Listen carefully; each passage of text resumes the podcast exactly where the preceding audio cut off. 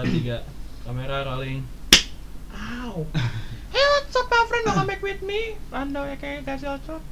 Kembali lagi bersama kita di semalam, yeay. Yeay. 107,7 eh 107,9 Bodoh. FM Jangan pakai 107 Ikom Radio.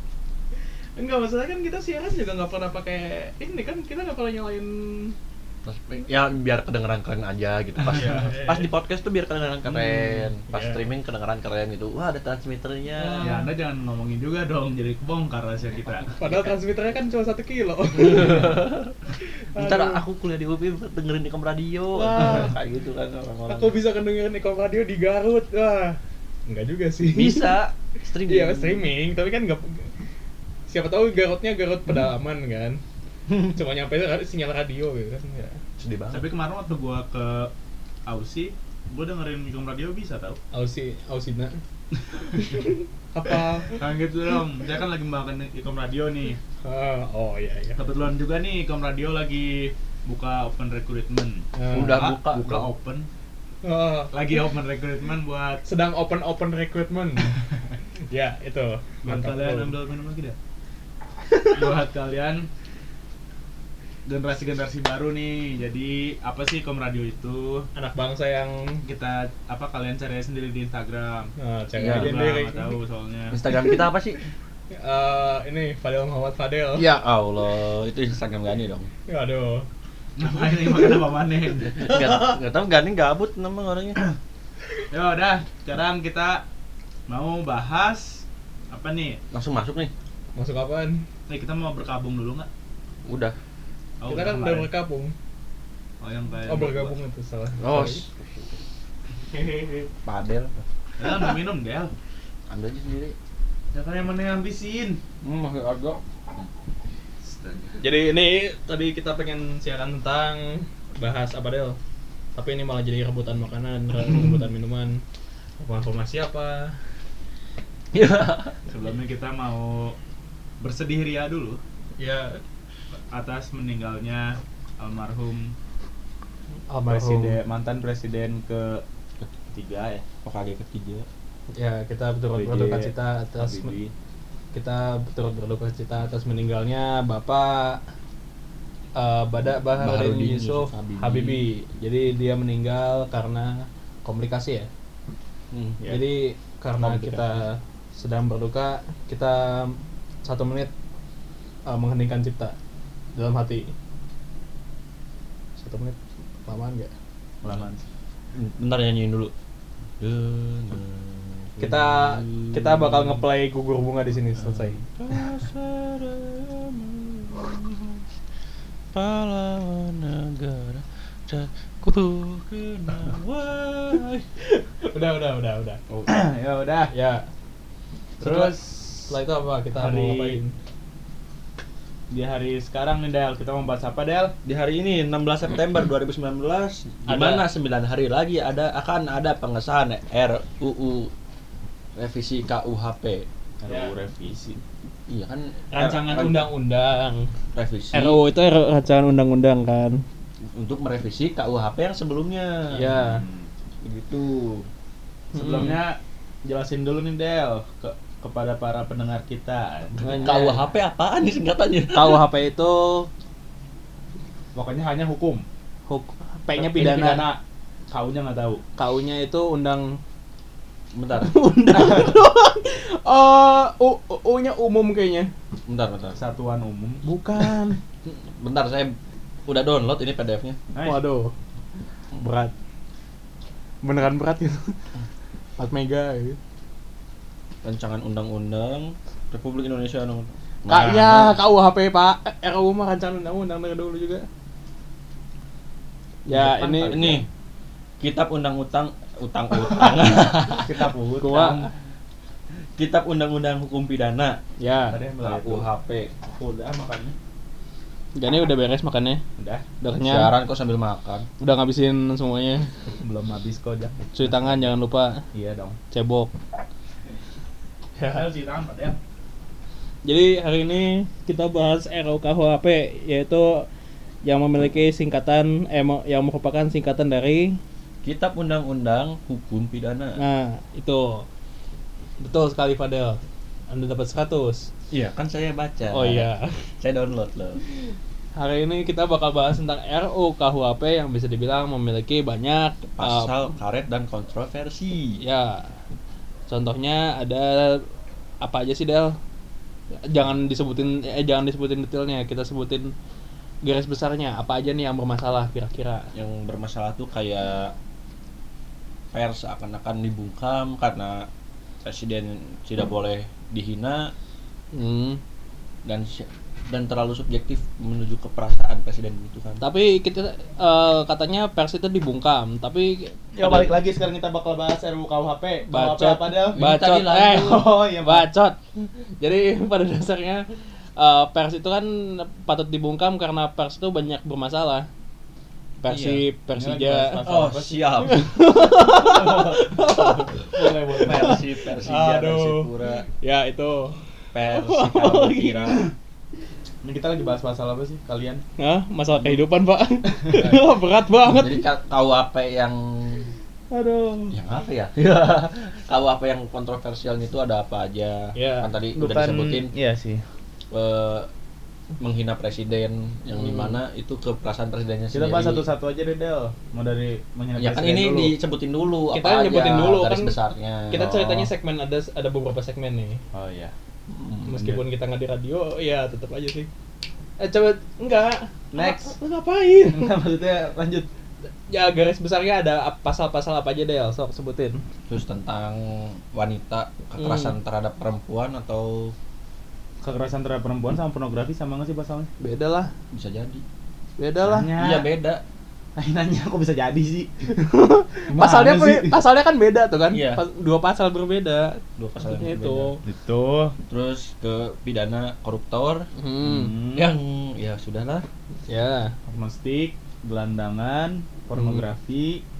Banyak loh kalau mau dibahas loh. Ya. Iya, dan kita bakalan bahas berapa dulu ya? Kita bahas semuanya. Kita bahas dari pasal 600 pertama pasal. sampai pa kita bahas, dong. Yang kontroversi doang dong. kita bahas dari pasal 1 sampai pasal 600. Yo. Ini bakal jadi siaran radio terlama nih. Siaran 4 jam sok. Silahkan. Nah, kita bahas yang kontroversinya aja. Tapi Ya, nggak ya. apa-apa sih sebenarnya kan kita siaran 4 jam juga nggak peduli juga. Suka-suka kita itu. Iya juga sih. Del, ya Del. Ada Udah nggak boleh makan nggak ada. ada 13. Kamu tahu etika dalam menyiarkan radio tidak? Yes, saya Apa? mah bukan teknisi, Pak. Gimana? Bapak kuliah. Ada 13 Apa tuh? pasal yang memiliki kontroversi Hmm. maupun pasal karet. Contohnya. Satu. Oke, kita masuk ke yang pertama ya. Ini mau segmen pertama dulu nggak? Yang pertama deh Eh boleh. enggak deh, masih 8 menit. Kita ngobrol-ngobrol aja dulu. Ya. Kependekan soalnya. Jadi, Jadi, menurut lo gimana Del kan lo udah baca nih 600 600 pasalnya nih. Mana ada 600 pasal nih. Kita- menurut menurut lo gimana nih tentang Oh. rancangan undang-undang ini tuh? Entah itu efeknya buat masyarakat atau buat diri sendiri atau buat Tuhan. Oke, jadi RUU KUHP ini tuh jadi kita mau bahas apa nih, Del? ya Kalau kan nggak RUU gitu, KUHP. deh, udah kita ini deh kita promosiin media kita. Ya. Jadi setelah nanti jika suatu saat semalam diberhentikan oleh eh diberhentikan dari Kom Radio, ya kalian bisa dengerin di eh bisa Jadi kalau kalian kita. bacot. Oke. jadi lanjut. jadi kalau kalian bingung kalian mau nyari kita di mana? Kalau bingung Ikom Radio kok uh, Gampang. siarannya belum belum jelas jadwalnya tenang aja kita pasti bakal post terus uh, se- se- secepat mungkin paling telat itu setiap Sabtu kita upload di Spotify uh, cari aja semalam atau semalam terus strip Senin mendalam jadi ya silahkan cari di situ atau kalian bisa cari juga di akun-akun akun-akun milik kita yaitu Iya. Fadel Kok Doang. ya kok akun saya milik kita? Iya kan milik kita bersama Ya, kayak kali Trans TV. aduh jadi ada Fadel Muhammad Fadel ada Gani Zuhdi ada Mat Bambang. Mat Babang paling gak nyambung ya oke jadi itu kayak- kayaknya udah 10 menit Ma- mula- mari kita mulai masuk ke topik RUU KUHP Yuk kita masuk pasal pertama, Del. Pasal pertama. Itu ada pasal 188 Gua Waduh. bacain dong. 188.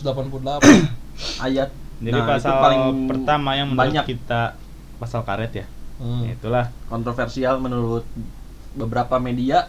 ada di pasal 188 RUU KUHP melarang secara tegas penyebaran paham komunisme atau marxisme-leninisme. Pasal itu berbunyi satu Setiap orang yang menyebarkan atau mengembangkan ajaran komunisme atau marxisme marxisme-leninisme di muka umum dengan lisan atau tulisan termasuk menyebarkan atau mengembangkan melalui media apa pun dipidana dengan pidana penjara paling lama 4 tahun. Hmm. Tindak pidana tidak Tindak Oh, pidana ini di bawahnya ada lanjutannya nih. Tapi yang gua baca yang gua baca ini nggak ada di pasalnya tahu Del. Ini kan kita baca yang ininya, baca yang kontroversialnya di beberapa media dirangkumin.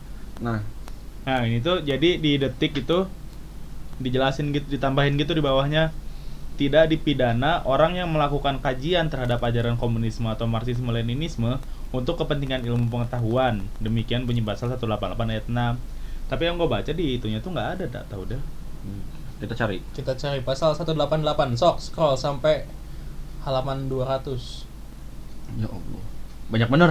Isi pasalnya kan gak cuma pasal 1 1A, 1B, 1C 188A ya 188 eh, ayat eh, pasal 188 poin A apa apa sih namanya? Ya, poin itulah Ya, pokoknya.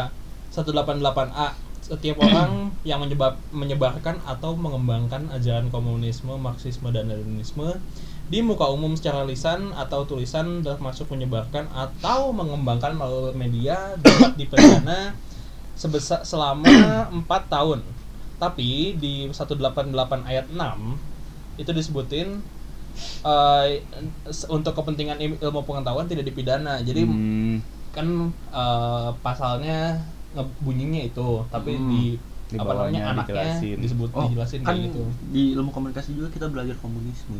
Iya Berarti itu tidak akan dipidana dong Tidak kalau dosen dipidana. kita men- menyebarkan ajaran komunisme. Iya. kan untuk kepentingan ilmu pengetahuan. cuma masalahnya pasalnya ini bisa dipertanyakan juga eh, eh, basisnya sampai mana Eh, di manakah batas antara menyebarkan dan memberitahu kan Hmm. Iya. karena kemarin aja ada ada apa namanya ada berita tentang buku-buku yang buku tentang marxisme yang di ta- eh, di di apa sih namanya ditahan ya Dita- Ya, di- ditarik digeledah Di- digeledah nggak juga dibedah. Bukan ditarik. di bredel Ah, bukan Di sita. disita nah padahal pintar Emang pinter dari dulu. Emang enggak nih dia mulu dari tadi. jadi jadi buku-buku leninisme disita di toko buku eh, Di toko buku resmi Gramedia. toko buku malah. resmi itu permasalahannya eh, sampai mana sampai batas mana eh, Si- itu pengajaran itu, itu pengetahuan karena emang pada dasarnya juga kalau kita melihat eh, Indonesia dari dulu ya Indonesia dibangun bukan cuma orang Islam orang Kristen orang segala macam tapi PKI juga ikut andil kan Iya. makanya pasal ketiga Persatuan Indonesia Kalau yang gue tangkap sih dulu, jadi sejarah komunis itu dulu kenapa Soekarno ngedukung komunis? Masih kenapa Soekarno memperbolehkan komunis ada di Indonesia? hmm, Gue langsung nanya ke nggak langsung sih jadi ke Allah Ya Allah. Ada temen gue jurusan sejarah, nah dia itu kata dosennya jadi gitulah. Hmm. Sedangkan nih apa dosen-dosen sejarah di UPI itu katanya ketat, jadi emang yang maksudnya yang benar-benar berkualitas lah. Nah pokoknya singkat cerita kata dosen itu tuh kenapa komunisme ada diperbolehkan di Indonesia saat zaman Soekarno karena komunisme kan dari awal dari mana sih komunisme itu? Eh, Karl Marx. Jerman Kalau Rusia Jerman. gitu komunisme bukan? iya Ya, nah ada jadi dulu tapi hubungan Marxnya Jerman hubungan Rusia sama Indonesia tuh emang bagus gitu dari dulu. iya Dan sedangkan eh gimana cerita Terbukti. ceritanya gue lupa. jadi terbukti bagusnya hubungan Rusia sama Enggak. Indonesia bagus tuh yang bangun GBK kuliahnya dari Rusia. Hmm. Jadi Hmm. eh, apa namanya Soeharto minta bantuan kan Hmm. ngelawan Malaysia. Malaysia eh, apa namanya Malaysia kan di backing sama Amerika. Hmm. Soalnya apa namanya dulu Malaysia itu jajahan Inggris, Inggris. kan.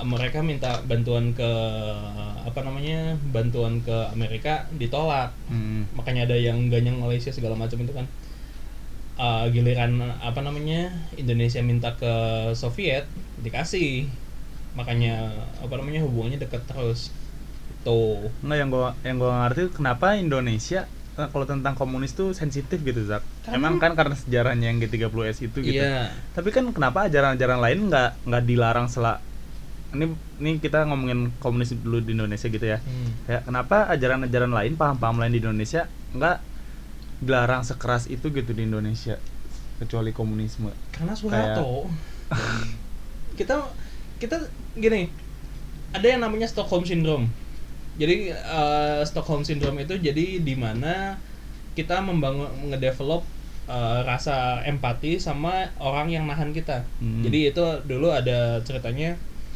eh, di di Stockholm ada penjarahan bank dan si yang apa sih yang ditahan itu Hmm.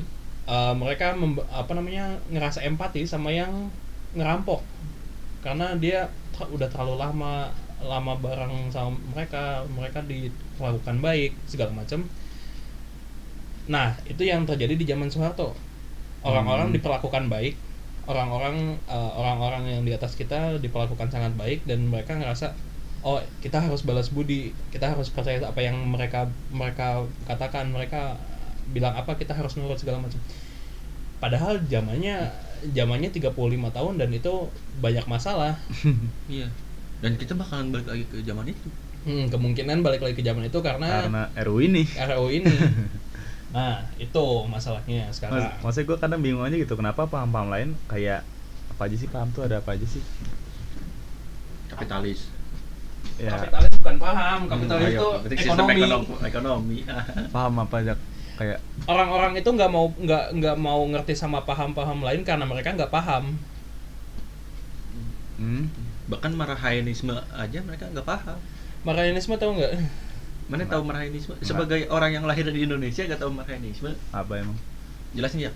lah Marxisme itu partainya Soeh- Soeharto dulu eh Soeharto Soekarno dulu Heeh. mereka eh, Soekarno bikin partai Marxisme Dan pahamnya juga dibikin paham marahainisme. hmm. Tapi itu ada nggak di KUHP dilarang gitu? enggak Ya, kali bikin paham marahainisme dilarang. Nggak maksudnya kenapa paham-paham lain yang meng, yang mengancam gitu ya mengancam ini? integritas NKRI kenapa nggak dilarang juga dimasukin ke undang-undang gitu kenapa komunisme doang ada yang bilang kan people don't people scared to, about what they don't understand kan Mm-mm. people afraid of what they don't understand nah orang-orang nggak ngerti masalahnya Kon- Mm. konsep-konsep yang ada di luar itu nggak cuma itu doang apa namanya di eh, apa namanya Palu Arit itu bukan komunis aja yang dipakai. Itu kan emang Nah. apa namanya lambang Lambang negara. Satu. bukan lambang petani. Petani sama buruh itu. Bukan bukan lambang oh ini Palu Arit pasti kamu PKI terus Saya petani, Pak. ya emang petani kan banyak. Terus or- masalahnya yang kayak gitu konsepnya mereka makin makin makin blur gitu loh. Jadi kayak wah ini swastika kamu ternyata PKI ya enggak gitu kan. Enggak semuanya yang enggak semua yang enggak semua yang kalian nggak suka itu PKI gitu loh Hmm. Sama aja kayak kayak kalau kalau kita keluar negeri eh kita nggak usah keluar negeri jauh-jauh kita ngelihat ke Twitter aja di Amerika sekarang permasalahannya adalah semua orang yang pendap- pendapatnya beda sama eh, mereka Dan, uh, dituduh Nazi sama aja Neo- kan Neo-Nazi. iya. Nah, kan apa pun yang pokoknya kalian kalau Partai Republik kalian Nazi Donald Trump Nazi Oh. sama aja kayak kita di Indonesia sekarang apa pun yang pendapatnya beda sama eh, yang mereka pahami pasti dituduhnya PKI sama aja. Ya emang berarti beras gimana ya? Kayak pasal pasal ini tuh dibuat berdasarkan kebencian gitu gua. Kurang sukanya. Emang Nggak sih? iya. Dendam tentang dendam dari masa Dendam lalu buta. gitu eh. iya. Banyak eh, apa namanya konsep-konsep eh, undang-undang yang dibikin karena eh, masih zaman dulu sampai sekarang belum di- diubah karena mereka masih percaya itu masih oh ini pendahulu ki- sama aja kayak kita masih masih pakai ospek di kuliah Nah, Hmm. kita kan nganggap itu oh ini karena pendahulu kita kita harus ngikutin terus Iya, iya. sama aja gitu konsepnya masih sama oh berarti kalau ini udah disahin nih, hmm. gue bisa nuntut kakak tingkat karena dia menyebarkan paham komunisme. Kenapa? Penstaraan. Kalian satu salah semua salah karena kalian itu satu satu rasa satu rasa eh, satu satu rasa satu rasa satu itu mau makan kopi kok pak? Satu rasa semua. Satu rasa satu asa. Harus satu rasa satu asa. Sama rata sama rasa. Iya, iya sama rata sama rasa. Eh, ya itu kan lebih ke iya makanya berarti menyebar para senior senior di kampus menyebarkan paham komunisme dan kalau ini udah disahkan kita bisa Nuntut. nuntut. Eh, makanya konsep komunisme sama di Indonesia itu masih terlalu terlalu dek- terlalu dekat. Kalau kita bilang oh kita nggak bisa kita harus eh, ngehapus PKI dari sejarah ya nggak bisa. Negaranya dibangun sama orang-orang yang orang-orang buruh orang-orang petani orang-orang yang emang dibilang nggak mampu. Orang-orang yang nggak mampu terus mereka dikasih kesempatan buat ngebangun Indonesia dari nol. Ah, Nah itu Kalau- kalau kita bilang PKI nggak ada andilnya sama sekali dan cuma bilang partai itu partai sampah ya nggak bisa. Tapi ke- kalau kita bilang PKI punya masalah yang besar dalam eh, eh, apa namanya di tahun 60 di tahun di ta- apa namanya pemberontakannya segala segala macam, iya emang PKI punya Ya. masalah. Cuma apakah PKI ideologinya sampai harus ideologi yang paling jelek ya enggak juga gitu loh apa namanya komunisme ideologi yang paling jelek? Ya enggak mereka pembangun juga gitu dan gue tuh mikirnya kan orang-orang sekarang kurang tahu gitu ya PKI itu gimana. Hmm. karena saking di kekangnya gitu oleh negara. Jadi eh undang apa RUU KUHPN itu melarang. Eh tadi gue mikirnya gimana ya? Pokoknya tuh dia melarang orang eh menghukum orang tentang apa yang nggak dia tahu gitu. Ngerti nggak sih Hmm, maksudnya? iya, iya. kayak kita mau tahu komunisme dari mana kalau cuma dari ilmu pengetahuan sedangkan itu aja ilmu pengetahuannya kan dibatasin gitu kan. Hmm. kayak Hmm. itu bisa aja manipulasi sejarah oleh ya entah gitu ya. Itu manipulasi sejarah oleh pemerintah atau apa. Dan dan jadi tuh orang-orang mikirnya "Ih, gimana tadi gue jelasin bingung sendiri dah anjing. Ya otaknya kusut nih. eh otaknya nggak kusut lurus. Jadi pusing sendiri. Ya, jadi pokoknya intinya ya itu aja kayak kita tuh dilarang tentang apa yang nggak kita tahu gitu. Hmm. ngerti nggak sih? Eh, berarti harus kuliah. Aduh, ke komunikasi biar tahu Hmm. apa itu komunisme. Hmm. kayaknya nggak komunikasi doang deh semua juga dipelajarin tuh. Mau kuliah di mana aja bebas kalau tempatnya nggak nggak ngebangun jadi orang yang benar ya sama aja gitu ikom. Ini misalnya ini buat orang-orang yang tahu pengen tahu komunisme berarti kita harus masuk ke sejarah atau komunikasi. Ya Kalau di kalau di RUU KUHP ini konteks dalam penyebaran ilmu pengetahuan tuh dija- dijabarin nggak sih? Kayak misalkan dalam kegiatan belajar mengajar atau dalam misalkan kita misalkan kita lagi nong gua lagi nongkrong nih terus gua dijelasin sama teman gua komunisme tuh gini gini gini Nah. itu masuknya ilmu Nah, pengetahuan. nah pas karetnya di sana kita kita kan mungkin nge-upload ini eh, setelah tanggal setelah tenggat 9 hari itu habis nih. Jadi sebelum sebelum kita ditahan jadi eh, kita ini dalam eh, lingkup pen- pendidikan ya. Kita mau Ya. mau karena kita kita ranahnya pendidikan nih. karena kita mahasiswa Universitas Pendidikan Ah, jadi kita mau membahas tentang ada apa sih di di Indonesia se- eh, sebelum Soeharto naik segala macam. Kenapa bisa jadi kayak gini? Ini masih dalam ranah pendidikan dan tidak ada dalam eh, tidak tahu menahu soal apa namanya? Kita tidak menyebarkan paham apa pun di Iya, sini. iya. Ya. ya Kita hanya membahas dalam ruang lingkup pendidikan. Sekali lagi kita hanya membahas dalam ruang lingkup pendidikan. Ya, terima kasih. Gini, Silakan kalau kalau mau kita sebutnya jangan komunisme paham kiri ya kita bisa Nggak juga paham kiri nggak bisa kita sebut ra- sama rata semua. Ya, tapi kita samar samarkan Hmm. jadi paham kiri soalnya suka ada yang iseng-iseng gitu laporin polisi suka Hmm. ada yang iseng-iseng aja orang Hmm. iseng-iseng wah komunisme laporin polisi padahal baru dengar kata komunisme doang satu gak dengerin Iya. penjelasan kita tadi kita cuma menyebarkan melalui ilmu pengetahuan Hmm. Karena permasalahannya banyak yang gampang panas kan di sini. iya lama-lama gua pakai baju merah tangkap juga nih Ya Persija tuh tanggepin semua. PSM Ah, merah. Baju baju home satunya kan merah sekarang. yang baju home bisa dua baju home mah satu aja deh Iya juga ya. iya sih. jadi ya gitu apa namanya permasalahannya eh, sampai di batas manakah pen- pendidikan dan sampai batas manakah menyebarkan karena ya apa namanya sampai sekarang masih banyak permasalahan soal eh, G30S jadi apakah itu benar-benar eh, kejadiannya karena emang si partai kiri ini atau karena Partai Ada. kanan atau atau karena ada tempat Dalangnya. ada dalang yang lain yang berasal dari partai kanan. Hmm, soalnya kalau kita ngelihat ini kita masuk lagi ke pendidikannya ya, biar kita nggak dituduh apa namanya nggak dituduh simpatisan segala macam. Kalau banyak apa namanya kalau kita ngelihat eh, pendidikan de- eh, apa namanya riset-riset dari, dari luar banyak apa namanya banyak tuduhan antara CIA yang masuk eh, menyebarkan di Indonesia. Karena waktu itu Indonesia memang eh, jadi tempatnya Soviet banget kan tuh. Iya.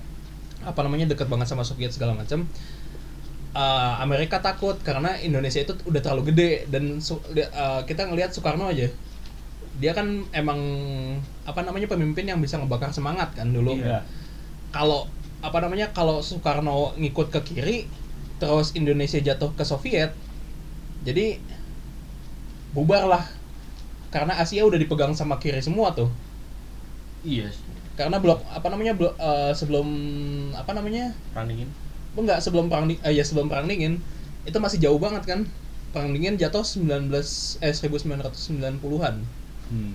sementara eh, eh, blok blok timur masih kuat zaman segitu kalau Soekarno eh, jatuh ke tangan Soviet bubar lah eh, ini kan Barat kan akhirnya ada yang bilang eh, CIA masukin orang apa namanya orang Amerika yang apa namanya yang ada pesawat jatuh segala macam terus Iya. bawa bawa bawa apa namanya surat-surat CIA buat nge-framing kalau Soekarno itu terus segala macam segala macam. Akhirnya begitulah. Dipasang Soeharto. Tuh katanya katanya Itu ya. katanya yang kita- katanya ya. teori konspirasi yang kita baca di internet. Hmm. yang siapa tahu gak bener lah. Hmm. gak bener. Katanya sih itu. Tapi kalau apa namanya kalau Dari Indon- segi kalau di buku-buku sejarah Indonesia pengen nulis sejarah yang baru ya kita kan nggak tahu kan kita udah kuliah. Harus ada harus harus ada bukti-buktinya. harus ada literasi dan harus ada bukti yang jelas. Cuma sayangnya kan itu udah 1960 udah 1950 jadi eh, bukti saksi sejarahnya juga udah pada meninggal. Jadi kita nggak ada nggak ada- sebenarnya bisa sih kita cari saksi sejarah.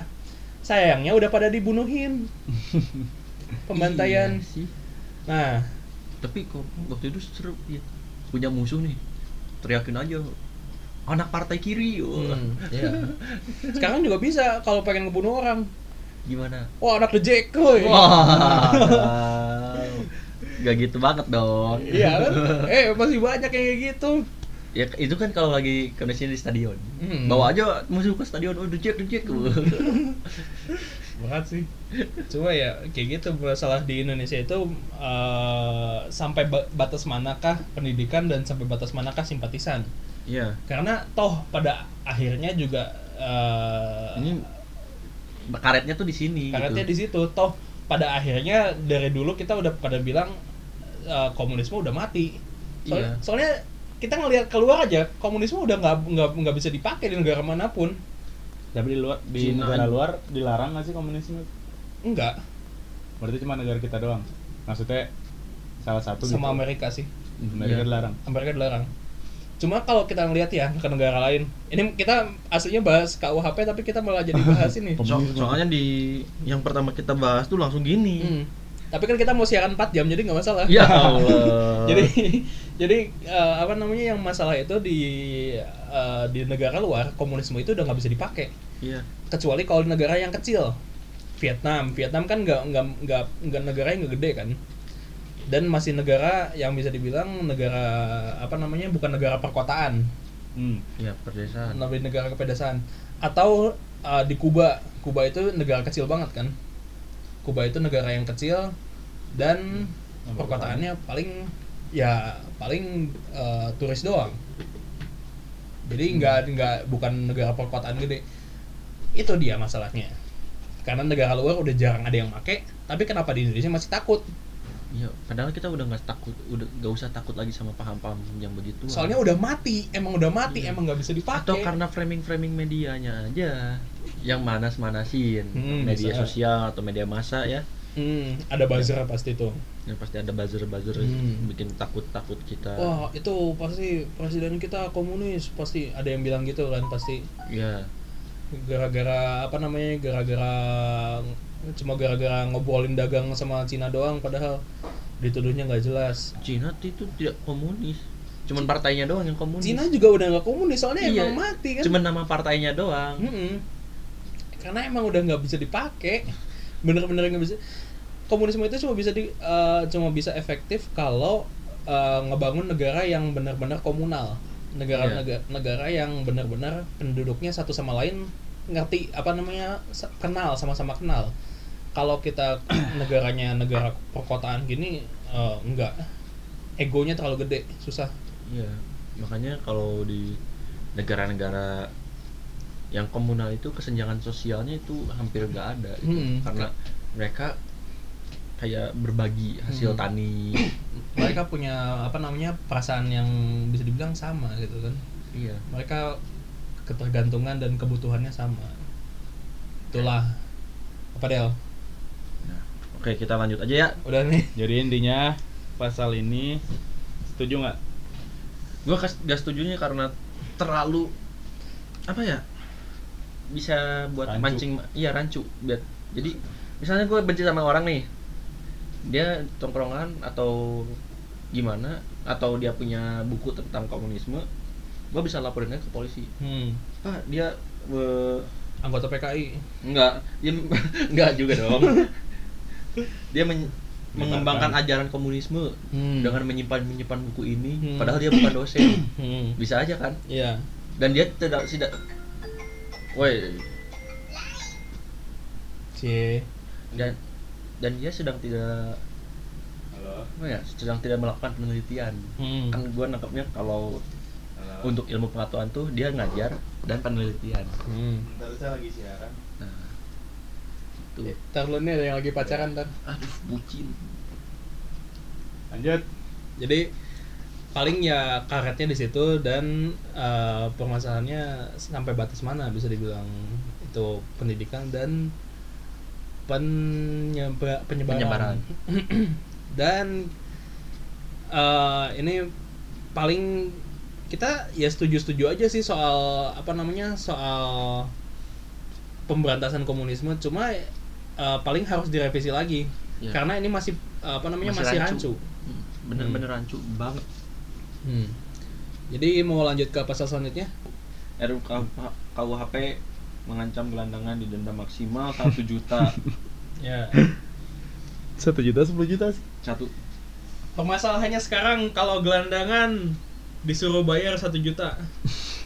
Bagaimana cara cara mereka membayar? Apakah dengan menggelandang lebih lebih lebih lebih? Ataukah dia harus berusaha keras, atau dia harus nyopet, atau dia ah.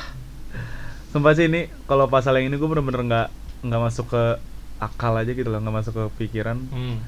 Kita gelandang gelandangan tuh jadi gelandangan karena emang nggak punya duit gitu. Iya. Tapi mereka malah disuruh bayar dan di situ di pasal itu nggak ada tulisannya mereka kalau nggak bayar bakal dimasukin penjara kan. Soalnya yang yang gue baca di pasal itu tuh kenapa gelandangan suruh bayar, gelandangan yang yang dibilangnya meresahkan warga gitu ya.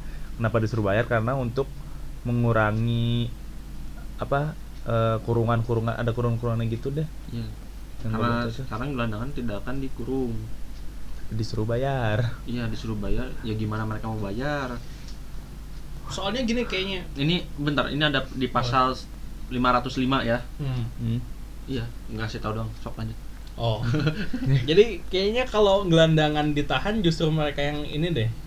Mereka yang lebih ini deh benefit ke mereka juga soalnya kan mereka di penjara dikasih Dapat- makan. iya Enggak, nggak ada di penjara, Zak. Suruh Beneran? bayar doang. Mau nggak mau suruh Enggak, bayar. enggak asumsikan. Oh. Asumsikan mereka ditahan. Kalau gelandangan ditahan ya mereka dapat makanan Hmm. Mereka mereka seenggaknya dapat tempat tinggal gitu loh Hmm. jelas meskipun ya ditahan tapi ya Seenggaknya ya ya itu punya tempat tinggal yang enggak di tempat kum, yang bakal ngumpuh. Eh, sementara kalau gelandangan ini kan eh, RUU-nya sekarang gelandangan mau disuruh bayar Iya. suruh bayar gimana Oh, tetap ada kurungan ini. ada kurangan berapa Tiga bulan. tiga bulan Barang siapa gela- bergelandangan tanpa pencaharian Hmm. Diancam karena melakukan penggelandangan dengan pidana kurungan paling lama tiga bulan. Hmm. Terus di ayat keduanya, penggelandangan yang dilakukan oleh tiga atau lebih yang berumur di atas 16 tahun diancam pidana kurung paling lama enam bulan. Hmm. Kenapa nggak? Gue mikirnya kenapa pemerintah mikirnya harus ditahan dan denda gitu. Kenapa nggak dibuat kayak apa ya, pelatihan gitu biar gelandang-gelandang itu tuh bisa produktif Hmm. buat ke depannya atau Mau nggak? padahal ini ya padahal di pasal 34 uh, Undang-Undang Dasar Republik Indonesia tahun 1945 pasal uh, pasal 34 ayat 1 fakir miskin dan anak terlantar dipelihara oleh negara ya Dua, negara mengembangkan sistem jaminan sosial bagi seluruh rakyat dan memberdayakan masyarakat yang lemah dan tidak mampu sesuai dengan martabat kemanusiaan. Tiga, negara bertanggung jawab atas penyediaan fasilitas pelayanan kesehatan dan fasilitas pelayanan umum yang layak. itu di undang-undang dasar UDRI. tuh berarti pasal ini bertentangan dengan undang-undang dasar dong Satu itu ya. Dua, permasalahannya adalah terlalu banyak orang di Indonesia. Ya Iya. Semakin Di- banyak apa? Di Pulau Jawa tepat. dia kalau mau satu jangan eh, kan apa namanya kit, eh, eh, Jakarta aja ada wacana pengen bikin eh, apa namanya yang orang-orang kurang mampu dijem- dimasukin ke ini kan Hmm. kayak pelatihan gitu Iya. cuma sekarang juga eh, apa namanya oke eh, oke oke Oke, aja oke. nggak jalan gitu kan Karena yang, Yang- membuat programnya tuh jadi wakil jadi presiden. wakil tapi gagal nah nah sudahlah Masalahnya kan sekarang eh, di Jawa itu terlalu banyak. Sementara di Kalimantan ada wacana pengen bikin negara eh bikin negara baru. Bikin negara. Ada bikin ibu kota kan. ya Satu itu, dua di di Kali, eh, itu di Kalimantan. Terus di Papua juga apa namanya? eh, per- eh, luas wilayah per populasinya juga terlalu kecil. Kenapa nggak ditransmigrasi lagi? Ya. Tapi ya sudah lah. masalahnya itu de- eh, eh, apa namanya kan ada beberapa kalau nggak salah pernah ada eh, ada ini di Trans 7 gitu jadi eh, ada sekumpulan sekumpulan orang Jawa lagi jadi ada beberapa orang Jawa yang ditrans ditransmigrasi ke Kalimantan terus dipekerjakan di sana. Hmm. kenapa nggak bisa kayak gitu lagi? Apakah karena eh, eh, tempat kerjanya kurang? Kan nggak mungkin. Untuk sumber daya manusianya? Sumber daya manusia nggak mungkin ber, nggak mungkin berkurang udah banyak banget bukan kok. berkurang sih kualitasnya. Kualitasnya kan bisa diperkerjakan di tempat kerja yang sesuai dengan kemampuannya. Toh kita S1 aja udah berapa banyak yang nganggur gitu kan? Itu cuma gimana sekarang Nah, emang ah ini mah lucu gitu. Pasal ini tuh dijadi jadi kontroversial selalu gitu. Dari Pasti yang gua bilang ah, yang sebelumnya pasal 505 yang sebelumnya di penjara ya. terus yang sekarang jadi nggak di penjara tapi denda satu juta di pasal pindah ke pasal ti- 432 ya. Nah jadi kontroversial karena ini tuh eh, di kacamata agama yang dianut sebagian besar masyarakat Indonesia hmm. orang miskin itu harus diberi sedekah dan disantuni hmm. nah itu jadi kenapa jadi pasal kontroversial karena bertentangan dengan salah satu ajaran salah sa- jadi ya agama agama mayoritas di agama mayoritas Indonesia. ataupun pokoknya agama Abraham Eh, sama ini tuh di pasal ini kan disebutin gelandangan yang meresahkan masyarakat gitu. Kayak meresahkan di sini tuh masih rancu masih ambigu juga. Kayak misalkan punya tetangga aja bisa meresahkan. Iya. Iya. Kayak misalkan sepadel aja meresahkan gitu kan. Nah, kayak misalkan gelandangan misalkan lo lo nih deh, lo, lo lagi jalan di taman terus lo ngelihat gelandangan kotor bau dan Hmm. itu meresahkan lo. Gua- atau meresahkannya a- sampai misalkan dia sorry nih ya grepe-grepe atau dia melakukan itu seks gitu. Nah kalau kayak meresahkan di situ tuh masih terlalu luas gitu belum ada penjelasan lebih detailnya gitu Hmm. maksudnya di yang dibilang meresahkan tuh kayak lu pada tahu nggak yang rekaman CCTV di mana ibu-ibu mau ngambil duit di, di ATM Hmm. ada anak-anak yang ngemis maksa ngemis maksa tahu gak Hmm. pokoknya nggak ngasih nggak ngasih nggak akan pergi bu minta bu nyampe ngikut ke dalam ATM nyampe mencet-mencet si ATM-nya sembarangan nah itu yang baru harusnya meresahkan misalkan tuh nyampe ada kontak fisik. Nah itu boleh kalau sampai ada kontak fisik. Kita balik lagi ke tadi yang pertama yang apa namanya yang komunisme tadi kan. Hmm. Ya. sampai batas mana meresahkan itu? Karena meresahkan itu kan nggak semua orang beda persepsi tentang meresahkan kan. Itu tadi. Masalahnya masih di situ-situ aja. Mm-mm.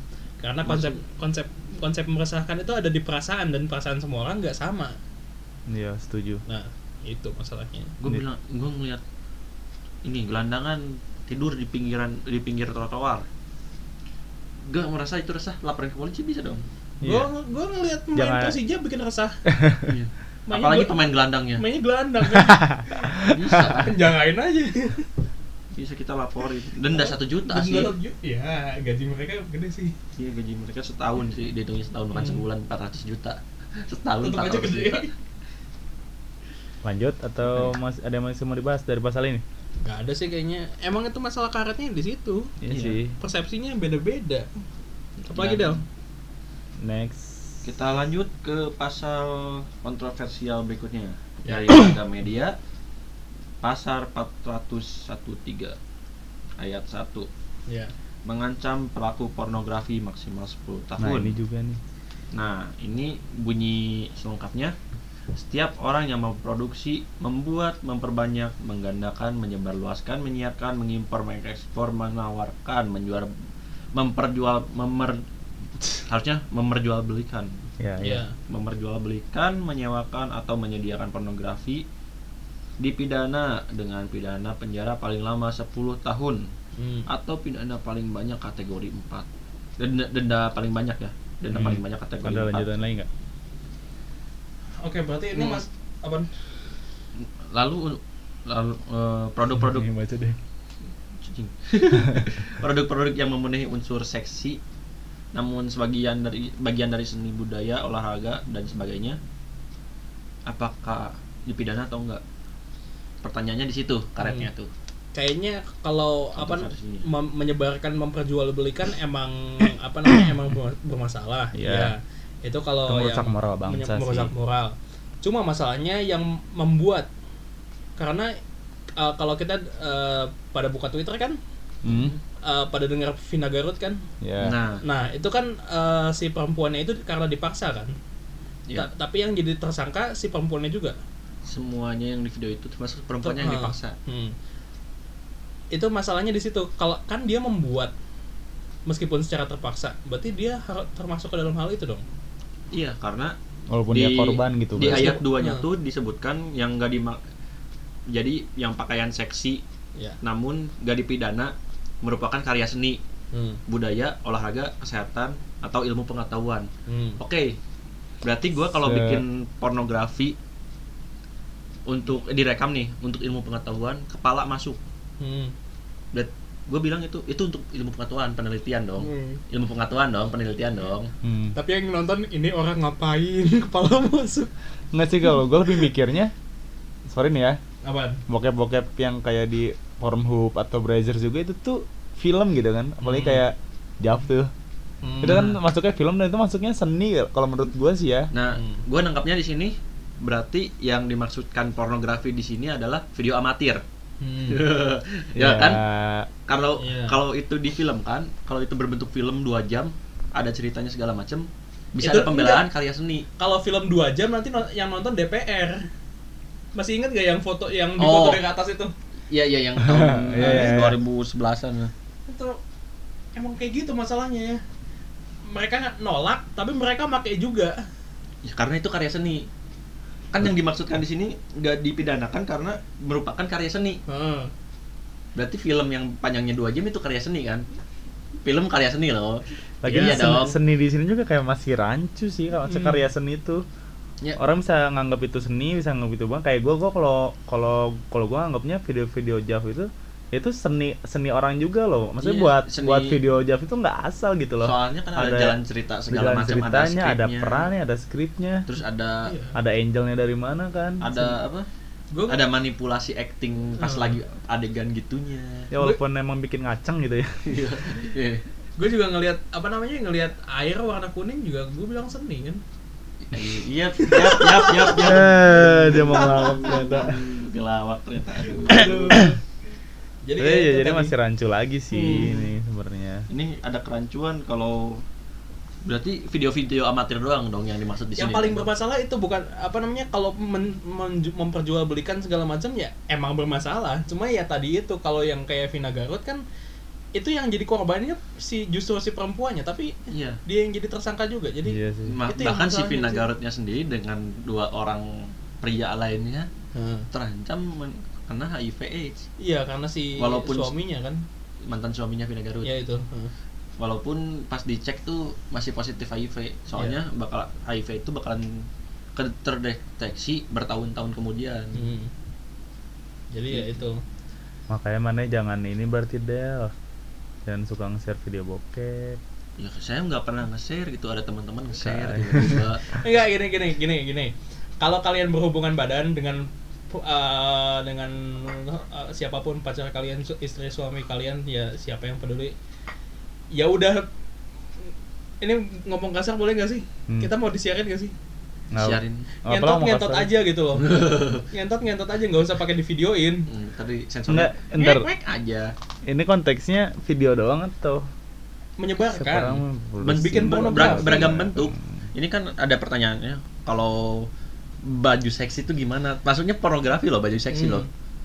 Apakah ba- baju baju seksi yang yang kayak gimana dulu kan Iya kan? Ya, di sini uh, di sini kan disebutin lagi di ayat 2-nya. hmm. Ayat du- 2-nya disebutin lagi nggak dipidana kalau berbentuk karya seni, budaya, olahraga, dan kes- sebagainya. kesehatan dan atau ilmu pengetahuan, pengetahuan. Hmm.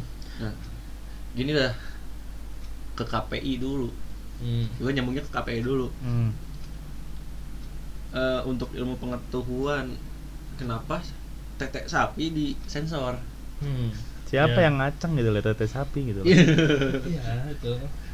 balik Ya. lagi ke sono dan untuk ilmu pengetahuan nih gue pernah nonton dokter Oz gimana dia Oh iya sedang tahu tahu tahu. lagi ini kan lagi ngejelasin tentang menstruasi Hmm. dan gambar si Vulva vagina ya pokoknya vagina rahim, rahim, ovarium segala macam lah ya. Organ tubuhnya disensor Iya. padahal kan itu bisa dibilang konteks pornografi tapi untuk ilmu pengetahuan Hmm. pengetahuan dan Jadi harus ini tuh ada korelasinya juga pengertian pornografi di KPI-nya dan di RUU KUHP ini yang baru. Iya. sebenarnya gimana ya? Mungkin dari dibuatnya pasal ini tujuan pemerintah tuh untuk mengurang apa ya memperbaiki moral kan udah pasti. Jadi Iya. eh, memberantas lah tentang hal pornografi di masyarakat Indonesia gitu. Udah Hmm. mah pasal ini ditambah lagi UU ITE kan tentang pornografi pornografi itu kan Nah. ada kan. Hmm. Tapi kayak nggak ada nggak ada apa ya nggak ada usaha dari pemerintah buat memperbaiki moralnya. Jadi kayak cuma dilarang dilarang dilarang gitu. Iya. Tapi malah nggak dijelasin gitu pornografi itu kenapa sih nggak boleh. Hmm. Kenapa nggak ya kenapa nggak kayak gitu aja caranya gitu kayak Nah. misalkan ada pendidikan di sekolah atau atau Sebenarnya- ini iman-iman itulah. Baru masuk di kelas 6 SD kan di pelajaran biologi biasanya tuh. Lalu si itu tergantung gurunya tuh kalau guru-guru yang bagus tuh mereka ngejelasin kenapa pornografi gak boleh, Hmm. kenapa kenapa kita bisa tegang. Masih masih pada inget nggak dulu waktu Julia Perez masih hidup katanya Julia Perez pengen pengen jadi guru sex education. Hmm. Nah, pada bilang ih ngapain sih Julia Perez segala macam jorok segala macam nggak ada moralnya ya padahal justru itu orang Indonesia butuh sex education kenapa karena banyak pen, apa namanya hamil di luar nikah segala macam dan hamil pas di mas, masih SMP segala macam juga ada gitu kan Hmm. gue udah ngobrol ke beberapa orang di yang bukan mahasiswa nih, yang bukan Iya. mahasiswa. Di pikiran mereka tuh sex education tuh cara melakukannya, Hmm. bukan cara cara Cara- safe sex safe safe sex lah bisa Iya, bukan cara safe sexnya, tapi cara gayanya Hmm. atau cara masukinnya. Kayak bukan sex education deh. It- itu Iya, yang Yang orang kebanyakan orang pahamnya. pikir tuh yang mikir sex education tuh ngapain sih? eh, cara berbuatnya Mikirnya sex Jadi kayak cara bukan berbuat. dampaknya gitu Dan lah ya. bukan dampaknya kan yang dimaksud yang dimaksud sex Malah education tuh lebih ke teknis. dampaknya Hmm. orang-orang itu kalau ngedenger kata seks aja udah hmm, Negatif. wah, sama kayak kita ngedenger kata komunis aja. Iya. Jadi komunis sama dengan seks. Berarti jangan nge-sex ntar lo komunis. ya itu apa namanya permasalahannya tadi eh, sex education itu masih dianggap sebagai hal yang tabu. Padahal bukan hal yang tabu itu hal yang perlu justru. Iya. karena orang Indonesia kadang-kadang ngelihat oh apa namanya eh, ini ada ada ada video kan yang ada orang gila mau ngeperkosa segala macam malah diketawain segala macam ya ya anjing itu bukan Kayak- bukan ranahnya buat diketawain itu ada hal yang perlu di- diperbaiki dalam hal itu gitu loh Kayak ini aja deh contoh kecilnya. Dulu gue pas bukan gue sih, temen gue, temen Hmm. gue pas kecil nonton di bioskop. Pas ada adegan ciuman dia tuh matanya ditutupin gitu. Hmm. Kayak gue tuh sel- selalu lucu sama orang tua orang tua yang kayak gitu gitu. oh, kalau kalau pegangan tangan jadi hamil soalnya kalau gua nonton di film Spider-Man 3 nih ya ya mereka kalau ada yang ciuman tuh mereka yang nutupinnya sendiri hmm. bukan orang tua yang nutupin seolah-olah itu dipaksa Bukan dibahas itu jadi mindsetnya kayak gitu sih Del. Pasti awal-awalnya ditutupin dulu. Ngerti nggak? Hmm, kalau Nggak mungkin lah lo lo, Kalau lo masih gua itu- kecil gitu lo nonton film terus lo ada ada yang ciuman terus lo langsung nutup. Maksudnya Enggak, maksudnya dikasih taunya harusnya pelan-pelan jangan langsung puk. Nutupnya tuh. Enggak. Nutup gitu langsung dibilangin jangan lihat ya adegan yang ini. Harusnya kayak gitu. Enggak. kalau kalau menurut gua malah nggak harus- nggak usah ditutup. kenapa? Ini biar belajar. Belajar Maksudnya- apa? Belajar Maksudnya- cium. Iya. Jatuhnya kayak gitu, belajar ciuman. Ya bukan belajar ciuman ya, kayak itu tuh ciuman tuh hal yang wajar gitu di masyarakat tuh walaupun emang nggak buat anak kecil tapi kan nggak nggak berarti harus tutup juga justru harus harusnya lo ajarin Del kayak ini tuh nggak baik ini tuh buat orang dewasa kayak gitu atau gimana kek Ditutupin sambil dikasih tahu. ya kalau Ya, itu gitu dia nggak tahu Kan udah ngeliat bentar nih, baru tutupin. Nggak. gitu pelan-pelan. Ini dong. kayaknya balik lagi ke Kita masalah masih bentrok tadi nggak? Fadel sempat nyem- eh, nge-mention KPI apa apa gak nih sempat mention KPI. Kurang. Bagus. Jadi gue bilang eh gue orang yang percaya semakin banyak disensor semakin orang penasaran, hmm ya kan? Iya. Kayak kita lihat di hal yang ah, ya tadi aja kayak Ini kayak Sandy. ininya sapi ini Sandy ini Sandy atau eh, bikininya Sandy aja Bikin desain. di SpongeBob kan disensor atau rokok di film Iya deh. disensor juga pistol Darah, darah, darah. disensor juga darah dipotong malah di grayscale Heeh. Itu kalau film apa namanya The Raid dimasukin ke Indonesia. Hitam putih semua. Itu itu film cuma lima menit jadinya dia bagian awal doang. Lagi sholat selesai filmnya. Tiba-tiba keluar dari apartemen kan. Itu masalahnya. Ntar semakin malah- banyak disensor makin makin penasaran. Hmm. kalau kata gue ya itu. Ya itulah jadi intinya masih lagi-lagi masih karet nih pasal pornografi ini pornografi itu nggak jelas sebenarnya Mm-mm. menyebarkan buat yang penyebarannya doang iya wajar Ini buat yang melakukan- pelakunya enggak sok selanjutnya Selanjutnya ke pasal kumpul kebo. hmm. Bukan kumpul kebo sih. Seks kriminalisasi kriminalisasi seks di luar nikah. Hmm. kriminalisasi seks luar nikah Hmm. bunyinya tuh setiap orang yang melakukan persetubuhan dengan orang yang bukan suami atau istrinya dipidana karena perzinaan dengan pidana penjara paling lama satu tahun atau denda kategori 2 Hmm. gimana nih? Ya itu Kita harus baca ayat lengkapnya dulu kenapa inu inu. Inu. Ini itu. Jadi Ya, disingkat ya. jadi inu aduh. Aduh jadi pegal inu. Jadi ini tuh kenapa bisa jadi pasal yang kontroversial ya ini. Kalau orang-orang tuh banyak yang mikirnya terlalu ngurusin selangkangan. Iya. Nah. Terlalu ngurusin keselangkangan orang. Nah pasalnya itu ada di pasal 488 kalau kalian mau baca langsung buka aja RUU KUHP 2019 pasal 488 hmm. Apa bunyinya Del? yang tadi. Apaan? eh, ini yang Mbak, eh, 488 beda Ya. setiap orang melakukan hidup bersama sebagai suami istri di, di luar perkawinan Hmm. dipidana dengan dengan pidana penjara paling lama satu tahun atau pidana paling banyak kategori dua di sini kontroversialnya karena ngurusin selangkangan gitu bukan karena pasalnya karet segala macem Hmm. Jadi emang ya balik lagi ke yang tadi. Kalau kalian mau ngentot, yang ngentot aja gitu. Selama nggak divideoin dan nggak disebarin ya silahkan sebenarnya mah. Sebenarnya itu lebih ke ini nggak sih kayak masalah dari agam masalah lo Satu sama moral, dua lo. agama. Mm, Iya, ke Iya. lebih ke moralnya itu ya sih moral juga sih.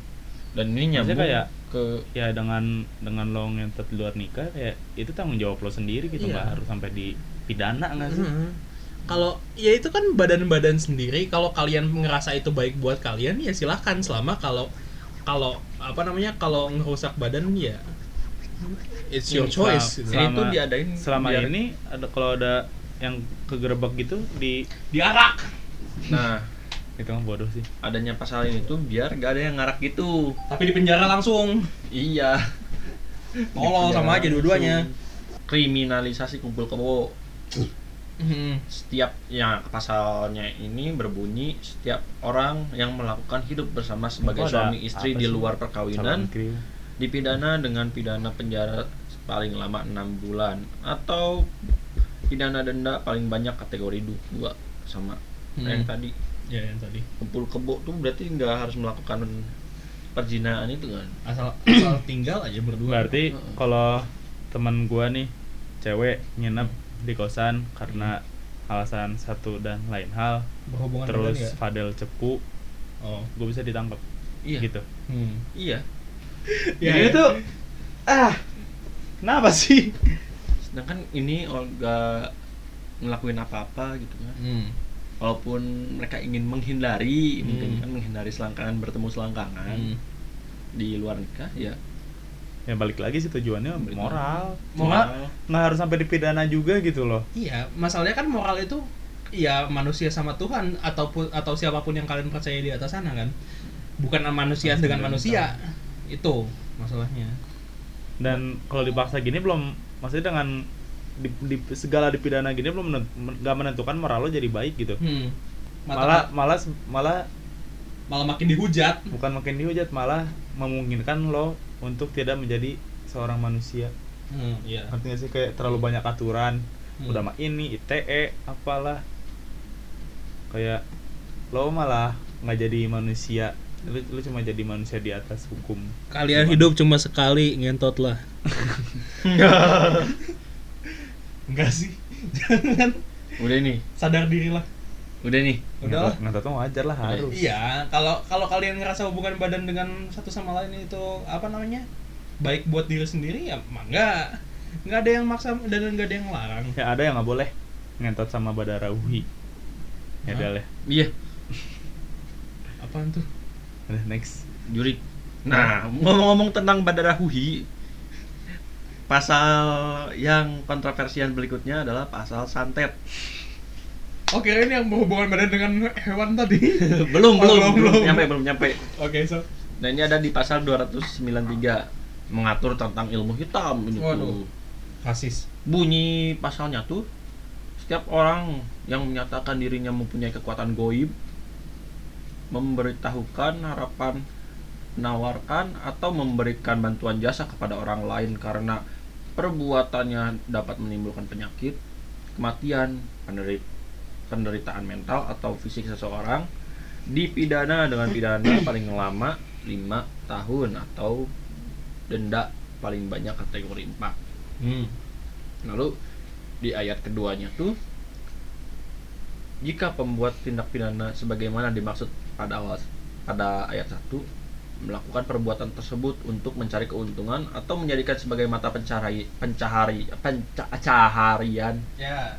atau kebiasaan maka pidananya dapat ditambah dengan sepertiga sepertiga apa anjir Sepertiga malam. seperti gajah Seper- sepertiga hukuman yang sebelumnya kali ya Hmm. udah Mm. Pas, Jadi- menurut gua pasal ini jelas-jelas menunjukkan secara kredibel dan sejarah dan secara pasti bahwa negara Indonesia merupakan negara yang belum maju dan bahkan masih terbelakang karena percaya klinik karena pemerintah pun mengakui adanya hal-hal magis Hmm. dan itu meresahkan masyarakat Indonesia. Gue sendiri percaya hal magis itu ada, cuma nggak perlu sampai ya Allah lo santet terus lo di penjara cuy. Maksudnya san- Kayak lucu banget gak sih?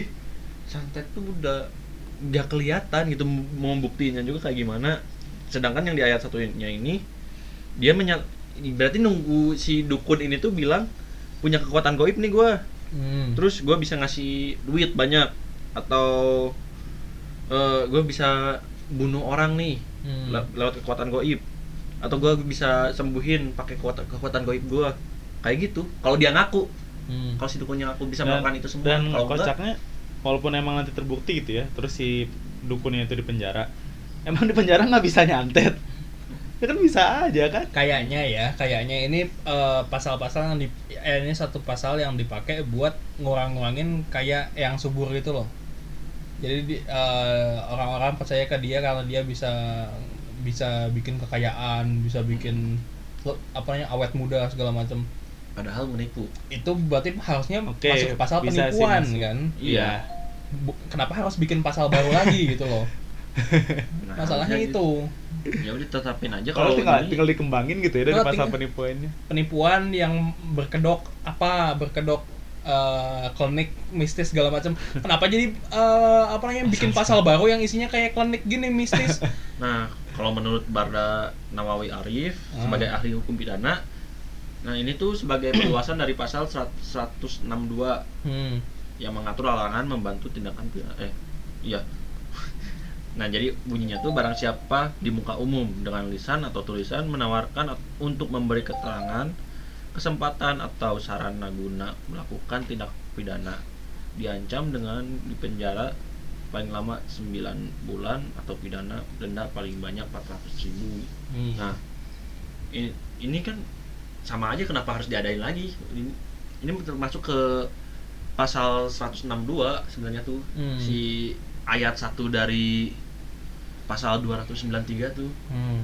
Itu cuman dispesifikin kesantet. Hmm. jadi kayak ada yang bilang kan ini DPR bikin apa namanya bikin undang-undang kok cuma dikit kayaknya sengaja dibikin di akhir-akhir bikin ba- sekali banyak dan Biar- tolol semua jadinya Iya. Dan gimana ya? Sebenarnya dari udah dari sebelum dah. ada pasal santet ini juga kita bisa laporin dukun-dukun dukun-dukun yang bi- ini bisa ngasih yang bisa nawarin-nawarin bantuan kayak apa ya ngebunuh orang atau pokoknya mencuri pakai Hmm. tuyul segala macam. Sebe- sebenarnya udah bisa di pasal 162 kalau mau ya sebenarnya bisa bikin pasal mistis kayak gini. Itu tapi tahun 2010 pas zaman zaman Rex Pasi Primbon itu masih ada tuh Iya. Hmm, kamu nggak cocok kerja di darat kamu cocok kerja di air jadi ikan sok bisa yang baca-baca apa garis tangan gitu. Hmm. gue mikirnya gini DPR bikin pasal ini tuh gak ngelihat pasal-pasal yang udah ada Hmm. soalnya di dan nggak mikir kalau di pasal 162 tuh eh, 162 KUHP tuh Hmm. bisa mempidanakan dukun-dukun yang menawarkan tuyul, Hmm. menawarkan ya ngebunuh Hmm. orang segala macem.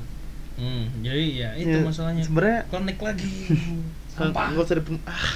Sebenarnya kalau klinik-klinik tuh udah bisa di pasal sebelumnya dan jadi kontroversi kontroversinya ini ya DPR tuh berarti bikin pasal santet tanpa melihat pasal-pasal yang udah ada sebelumnya Hmm. atau pasal-pasal iya pasal-pasal yang kontroversial dan bukannya dan bukannya menghilangkan apa namanya menghilangkan stigma bahwa di Indonesia itu uh, negara yang udah maju tapi justru makin memperkuat kalau Indonesia itu percaya sama klinik dengan Iya. nambahin pasal kayak gini Bukannya me, mem- Menghapus pasal ada. pikiran atau ah. lanjut ya lanjut ya ajak ah no ajak agnostik di penjara Nah, ini Gitu. nih. hmm. Ini.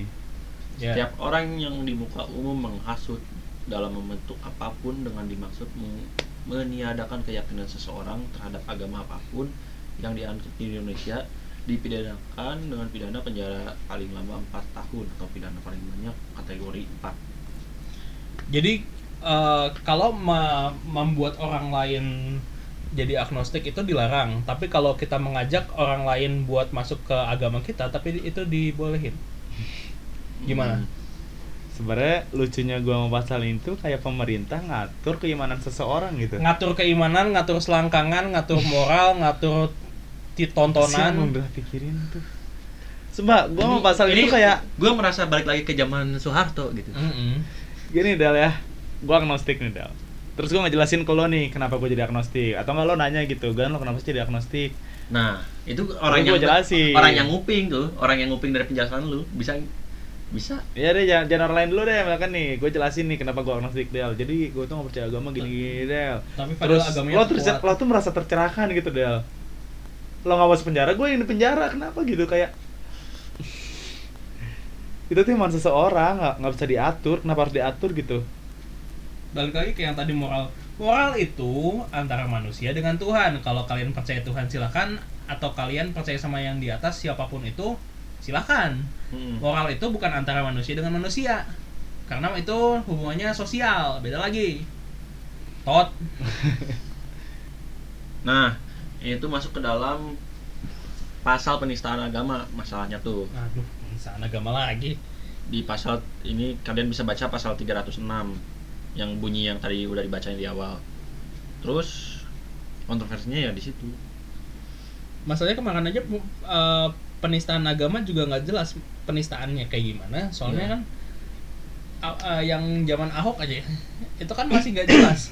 Si Ahoknya kan tujuannya ada orang-orang yang memanfaatkan. Iya. terus benar-benar dipelintir. Bunianinya nggak tahu ke mana. Terus udah aja. Selesai nggak ada nggak ada nggak ada masalah. Anies jadi gubernur selesai ya. Bubar masalahnya pokoknya apa gitu. Pasal penistaan agama itu benar-benar pasal yang eh, apa namanya bergantung sama perasaan. Kalau ada ustadz yang ngerasa wah terhina. Ini agama Hmm. kita terhina gara-gara orang ini. Dia bisa ngatur orang-orang apa namanya mau mem- dia bisa bilang kalau orang ini ngehina ngehina agama ngehina agama ngehina agama. Padahal konteksnya bukan kayak gitu. Iya. karena di apa namanya di semua pasal yang kita sebutin sejauh ini uh, banyaknya uh, subjektif. hal-hal yang subjektif dan di luar konteks. Kebanyakan kan? Nah itu masalahnya. Batasnya sampai mana kita nggak tahu. Konteksnya kita harus kayak gimana nggak tahu. Tahu-tahu di penjara aja. Lucu sih ngomongin agama di Indonesia tuh. Gue gue pernah dengerin ininya si Panji Panji siapa? stand upnya Panji siapa namanya Wicaksono ya Pergi Waksono, Wicaksono. Eh, oh, panci, Aiman dong itu. panci penggorengan Panci. si Panji itu pernah sholat Jumat di waktu masih daerah Kelapa Gading tuh dia Hmm. mana udah dengerin belum yang ini Udah. dia sholat Jumat ya nah kan di daerah Kelapa Gading kan banyak Cina tuh hmm. nah itu pas dia sholat Jumat si siapa yang naik mimbar khotib Nah, Khotibnya. si khotibnya ngomong saudara-saudara sekalian di sekeliling kita ini ada orang ada ada manusia-manusia calon penghuni neraka. Maksudnya kayak aduh. Ah gimana ya? Itu kalau Cinanya baperan mah dia udah ngaduin dan udah penistaan agama kali. Coba kan dari Cina dari dulu emang ngerasa ditindas terus bukan jadi bukan penistaan agama kali penistaan ras tuh. Ah, etnis dihina semua. Hmm, ah, Ya masalahnya si Jumatan yang dimaksud di Panji itu tuh dikeluarin ditoa luar buat azan gitu, Iya. bukan yang di dalam masjidnya. Kalau yang di dalam masjidnya itu masih nggak masalah. Gua. lagian juga di gereja juga eh di gereja apa di Pokoknya di tempat masjid? ibadah. ya pokoknya di setiap ibadah pasti ada lah nggak nyinggung agama lain tapi nggak dengan maksud melecehkan atau menista gitu hmm. Saya lanjut ya. ya Pengkritik presiden di penjara. Oke, bunyinya itu setiap orang yang menyiarkan, kritik mempertunjukkan atau hina Tunggu dulu dong, baca dulu dong Iya. saya dong. Di sini tulisannya pengkritik. hmm. Pengkritik. Harusnya bukan pengkritik, pengkritik. setiap orang yang menyiarkan, mempertunjukkan atau menempelkan tulisan atau gambar sehingga terlihat oleh umum atau men- memperdengarkan rekaman sehingga terdengar oleh umum yang berisi penyerangan kehormatan atau harkat martabat presiden atau wakil presiden dengan maksud agar isinya diketahui atau lebih diketahui umum dipidanakan dengan pidana penjara paling lama 4 tahun 6 bulan atau pidana denda paling banyak kategori 4 ya jatuhnya ini penghinaan presiden bukan pengkritik. Tapi hina hina itu sendiri masih subjektif. ambigu. Iya. Hmm. dan Yang non subjektif pasti. Ya misalnya gue bilang eh, Kayak contoh deh ya, Jokowi kok bapak presiden Jokowi kurusannya terhina tuh presiden gue bisa dipenjara dong 4 tahun dong Iya. Hmm. cuman gara-gara ngomen dikit tuh dia terhina atau oh, Pak Kiai Maruf Amin udah tua nih Emang iya. dia bisa terhina kan Ah. bahkan emak-emak yang di video aja yang bilang Nek mau ke mana nek? Apa kamu panggil saya nenek-nenek? Saya ibu, ibu belum nenek-nenek. Hmm. Bisa Iya. aja kan? Hmm. Bisa aja kan? Iya. Karena karena emang udah tua nih. Hmm. Ada yang bilang udah tua nih, Bapak Maruf Amin. Bisa aja ter, ter ya bentar lagi diasahin lagi. Ya, Bego saya. emang semua apa namanya sejauh ini pasalnya itu satu moral, dua tergantung perasaan. Iya. Kalau apa namanya batas perasaan kan nggak semua orang sama gitu loh. Bisa aja kita eh, kita bilang kita ngekritik aja kita bikin rubrik ngekritik presiden. Mm-mm. Kita kritik kritik kritik kritik terus presiden nggak terima. Ya terima. diaduin lah kita. Oh, kan? Gila gue tuntut Jokowi kapan lagi dah. Tapi tetap aja dituntut masuk penjara. Iya masuk penjara digebugin lagi. Lagian ya yang yang ngerasa gimana ya? Kalau misalkan gue bikin nih graffiti gitulah di jalan, Hmm. tapi unsur seninya itu ada ada yang ada orang yang lainnya mikir loh itu tuh hinaan buat presiden. Hmm. Berarti yang ngadu yang yang nuntut gue tuh orang lain, Hmm. Dia bukan ke presiden, bukan presiden itu sendiri. Kalau presiden yang merasa nggak terhina, itu makanya pasalnya pasal karetnya di situ sampai batas manakah kita harus kita bisa ngekritik sampai batas manakah itu mas- masuk penghinaan itu masalahnya di situ Jokowi balik lagi sih ke situ-situ lagi. iya aduh sampai. Oke, lanjut ke pasal berikutnya. Hmm. Perkosa hewan di penjara. Ini juga merupakan salah oh mau dibacain dulu silakan. dipidana karena melakukan penganiayaan hewan dengan pidana paling lama satu tahun atau pidana paling rendah kategori 2 setiap orang yang menyakiti atau melukai hewan atau merugikan kesehatannya dengan melampaui batas atau tanpa tujuan yang patut untuk melakukan hubungan seksual dengan hewan Ini di KWP sebelumnya ada nggak sih tentang perlindungan hewan? ada perlindungan Perlindungan hewan, hewan mah ada, tapi nggak nyampe hubungan seksual karena ini makin banyak orang-orang yang yang ada berita itu loh eh, memperkosa berapa ratus Hmm. ke ayam itu loh. ayam loh diperkosa loh Ini juga merupakan salah satu pasal yang mengiyakan kalau Gara-gara Indonesia yang- itu merupakan negara yang masih bukan berkembang lagi kayaknya udah ngawang. Sekali lagi Indonesia. Indonesia membutuhkan sex education karena orang-orang perlu dikasih pelajaran hubungan badan dengan manusia dan hubungan badan dengan ayam atau kambing itu memiliki uh, efek yang berbeda bagi tubuh. Jadi kalau apa namanya ada apa namanya berhubungan badan dengan hewan apa pun itu bentuknya pasti ada bakteri yang lebih lebih ini kan Iya. lebih buruk kepada alat kelamin. Kalau kalian mau alat kelamin kalian aman aman, satu pakai kondom, dua ya jangan sama hewan gitu loh ngapain? Ini kan gara-gara mungkin kemungkinan gara-gara yang perkosa banyak ayam itu loh. Gara-gara Anda DPR jadi makin ngaco. Nah. Lagian ayam gitu. Diperkosa. Oke, lanjut. Ya. Di mana pasal RUU KUHP kritik hakim kemungkinan akan dipenjara lima tahun. Ya, masuk akal sih. Kalau kalian di di di ruang sidang terus kalian ngehina hakim, Mau gantian gadal. Isi mana capek. Baik. Nah, di pasal 290 nih ya. disebutkan setiap orang yang mencegah merintangi atau menggagalkan secara langsung atau tidak langsung penyidikan, penuntutan, pemeriksaan di sidang pengadilan dan pelaksanaan putusan pengadilan dalam perkara pidana pidana dengan dipidana dengan pidana penjara paling lama tiga tahun Hmm. atau denda paling banyak kategori 4 itu bagus loh Nah itu terus ada pasal du- du- 291 ancamannya diperberat nih jadi lima tahun penjara. Hmm. terus Nah, nah, yang poin pertama ini menampilkan diri seolah-olah sebagai pelaku tindak pidana yang karena itu menjalani proses pengadilan pidana. Terus yang keduanya tidak mematuhi perintah pengadilan atau menetapkan hakim yang dikeluarkan untuk proses peradilan. Tahu nggak yang maksud penetapan di sini tuh? itu kayaknya yang gara-gara kasusnya si Setnov deh yang apa namanya si pengacaranya ini kan ngalang-ngalangin kan satu itu terus yang apa namanya yang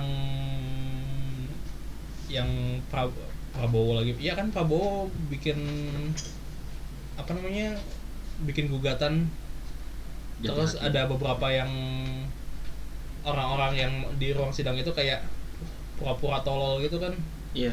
itu yang kayaknya bikin ngal- ngalang-ngalanginnya itu tuh Terus yang poin ketiganya bersikap tidak hormat terhadap hakim atau Ya. persidangan atau menyerang integritas atau sifat tidak memihak hakim dalam sidang pengadilan. Terus di pasal 21 huruf D-nya merekam, mempublik- mempublikasikan secara langsung atau membolehkan untuk mau dipublikasikan segala sesuatu yang dapat mempengaruhi sifat tidak memihak hakim dalam sidang pengadilan. ya kayaknya tuh masalahnya bukan itu tuh. itu masih apa namanya Bisa wajar. masih wajar soalnya kan kalau kita apa namanya bikin rusuh di ruang sidang emang ya Hmm. wajar kalau diinin terus kalau kita apa namanya kalau kita bilang hakimnya nggak adil kita kan masih bisa ada hukum pidana ada hukum perdata kan Kan kita juga masih bisa Nah. banding lagi itu gak ngerti juga sih ini kenapa bisa dibilang pasal Kontroversial. kontroversial gini soalnya di judulnya juga entah medianya yang memanas-manasin atau gimana ini ya manas-manasin kayaknya soalnya ini kan kita ngutip dari media dan ternyata ini kan kita kutipan-kutipan gitu kita Hmm. udah kutipan itu kita cari lagi bahasa aslinya dan ternyata bahasa aslinya tuh emang bukan kritik hakim bener-bener kritik hakim gitu Hmm, tapi emang benar-benar nge- bikin rusuh di ruang sidang Heeh. Kalau untungnya tuh nggak dibil nggak dibilang kritik hakim di sosial media atau segala Hmm. macem kayak Tapi kayaknya kalau bikin rusuh di ruang sidang nggak harus pi- dipidana juga deh kalau gue mikirnya. kalau gue mikirnya kan obstruksi ini Denda doang. obstruksi uh, apa namanya menghalangi apa namanya hukum mm-mm. dihitungnya Iya sih. Tapi kan biasanya ya sih kan selama ini kalau ada yang bikin rusuh paling dikeluarkan gitu kan dan gimana Iya. keputusan hakim gitu ya. hmm. cuma kok Kalau Ma- gitu hakim nggak usah repot-repot dong. apanya Ya, kalau kalau udah ada pasal ini hakim Iya. nggak usah repot-repot dong. ini tujuannya emang buat memperlancar aja kayaknya Mm-mm. Oh. biar nggak nggak tersendat-sendat di tengah jalan gitu juga nggak yang mulia berat saya ya. mau kamar mandi ngapain gitu loh yang terakhir suami perkosa istri Jadi sekarang kita membahas pasal yang tadi itu kan penuh eh, istri eh suami itu bisa memperkosa istri walaupun statusnya sudah sebagai suami istri dan disahkan secara agama Legal. dan ya itulah. Iya Definisi itu tercantum dalam bab 3 bab 22 tindak pidana terhadap tubuh Mm-mm. bagian ketiga tentang tentang perkosaan pasal 480 gitu deh cara Mm. bacanya. Hmm. Itu kan di, di di ini banyak yang bilang, "Ah, ini kan udah udah suami so, udah istri saya, jadi harusnya udah apa namanya? Ya terserah dong, kan uh, kewajiban dia buat ngelayanin suami." Ya enggak gitu. jadi kalau di ayat 1 itu disebutkan setiap orang dengan kekerasan atau ancaman kekerasan memaksa seseorang bersetubuh dengannya Hmm. dipidana karena melakukan pemerkosaan dengan pidana penjara paling lama 12 tahun. Terus di pasal 2 eh, tindak pidana pemerkosaan yang dimaksud meliputi tiga meliputi tiga poin. Salah satunya disebut sebagai pemerkosaan adalah hubungan suami istri dengan paksaan dan ancaman kekerasan seperti yang disebut pasal 480 ayat 2 poin A. Hmm. Kemudian poin B dan C pasal dan ayat yang sama disebutkan tindak pidana pemerkosaan juga berlaku pada persetubuhan dengan anak dan orang lain Hmm. yang diketahui dalam keadaan tidak berdaya. Hmm. Nah, si bunyi ayat C ini tuh menyebutkan persetubuhan dengan seorang seseorang padahal diketahui bahwa orang lain tersebut dalam keadaan pingsan atau tidak berdaya. Hmm. Ini lebih dispesifikin lagi gimana pemerkosaan itu. Ya. Jadi Nah, kontroversinya ini di sini nih kontroversinya ke salah satu agama nih. Jadi salah satu agama tuh istri itu gak boleh menolak kalau suami meminta untuk melakukan. Hmm. Bahkan ini nih ada, uh, wakil ketua umum Majelis Ulama Indonesia, mungkin kalian sudah dengar Tengku Zul. Mm-mm. Nah, dia dia waktu itu sempat bilang sampai kiamat nggak terima kalau hasrat sudah mau ya mesti. Terus dia lanjutin lagi, kalau sudah mau ya mesti si istrinya mah diam aja, tidur aja nggak sakit kok. Ya kan hubungan hubungan badan itu kan ya mau sama mau kan ya Hmm. Iya. Meskipun ya tadi kita sempat bahas eh, hubungan di luar nikah segala macam ya mereka dua-duanya mau sama mau. Kalau mau sama mau ya silahkan ini kan nggak mau si salah satunya. Terus kenapa dipaksa? Terus harus nurut? Terus Nah, gimana? Nah itu kontroversinya tuh karena bertentangan dengan satu agama. hmm. Karena itu. Kalau menurut gua mah sih cewek kalau Hmm. udah berhubungan seks gitu mau nggak mau hmm pasti ujungnya dia nikmatin dan akhirnya mau juga. Setahu gua ya hmm dari yang dari siapa? dari yang gua wawancara sama orang tua kan ada tuh dulu tugas. hmm Ya itu ya sebenarnya gitu cewek mau nggak mau. Tapi kalau udah ngelakuin misalkan cowoknya maksa nih, ceweknya awalnya nggak mau, hmm lagi ngamut.